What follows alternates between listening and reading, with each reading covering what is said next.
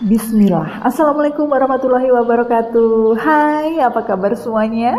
Semoga semua dalam keadaan sehat dan bahagia ya. Bersama Anissa Kurniati di Tanjung Balai Karimun, Kepulauan Riau, Indonesia. Dalam podcast Kolazet, kolaborasi dari A sampai Z. Episode kelima kali ini kita akan ngebahas tentang keinginan.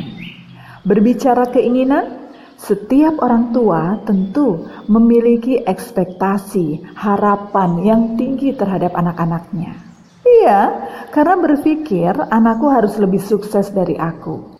Dan kesuksesan anak dilihat dari seberapa banyak materi yang ia kumpulkan pada saat dewasa nanti. Kita ini manusia terkadang berusaha mengikuti tren. Dari model rambut sampai model baju. Nah, sekarang sedang trennya bunga keladi. Semua ikut-ikutan, sampai harganya melonjak tinggi.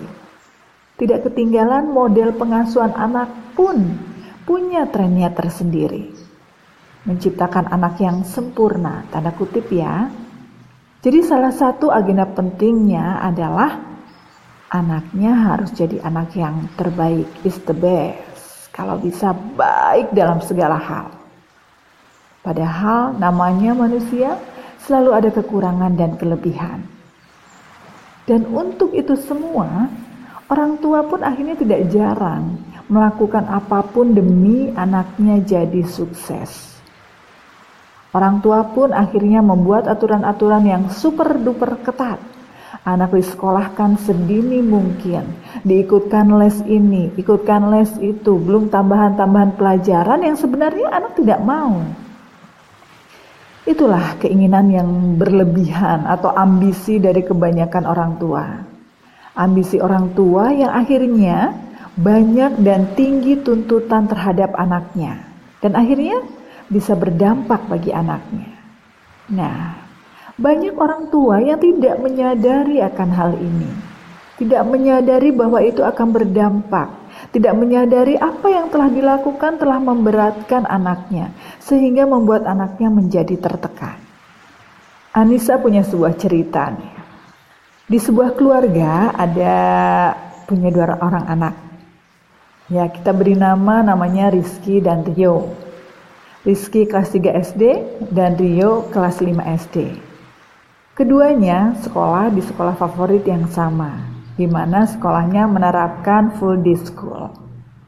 Setelah pulang sekolah, kedua anak ini hampir tiap hari ikut berbagai macam les. Les pilihan dari orang tuanya. Kecuali pada hari Selasa, Sabtu, dan Minggu.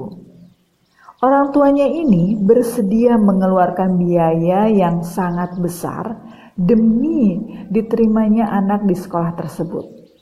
Dengan bangga diberitahukan ke sanak saudara, kawan-kawan kalau anaknya sekolah di sana.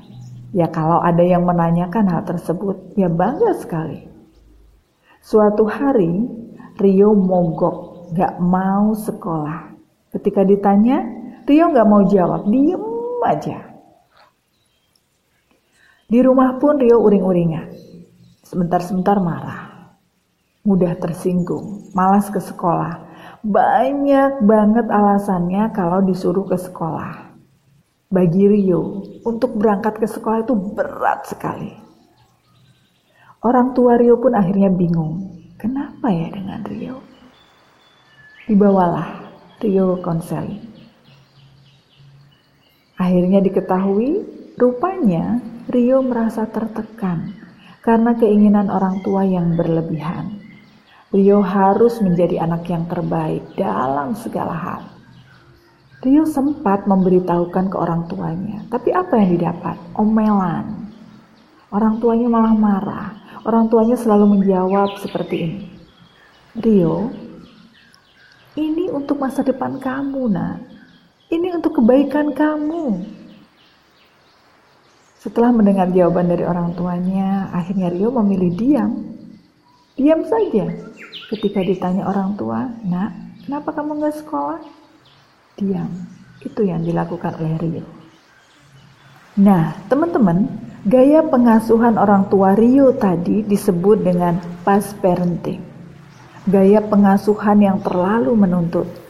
Keinginan, harapan orang tua kepada anaknya telah berubah menjadi perasaan tertekan pada anaknya.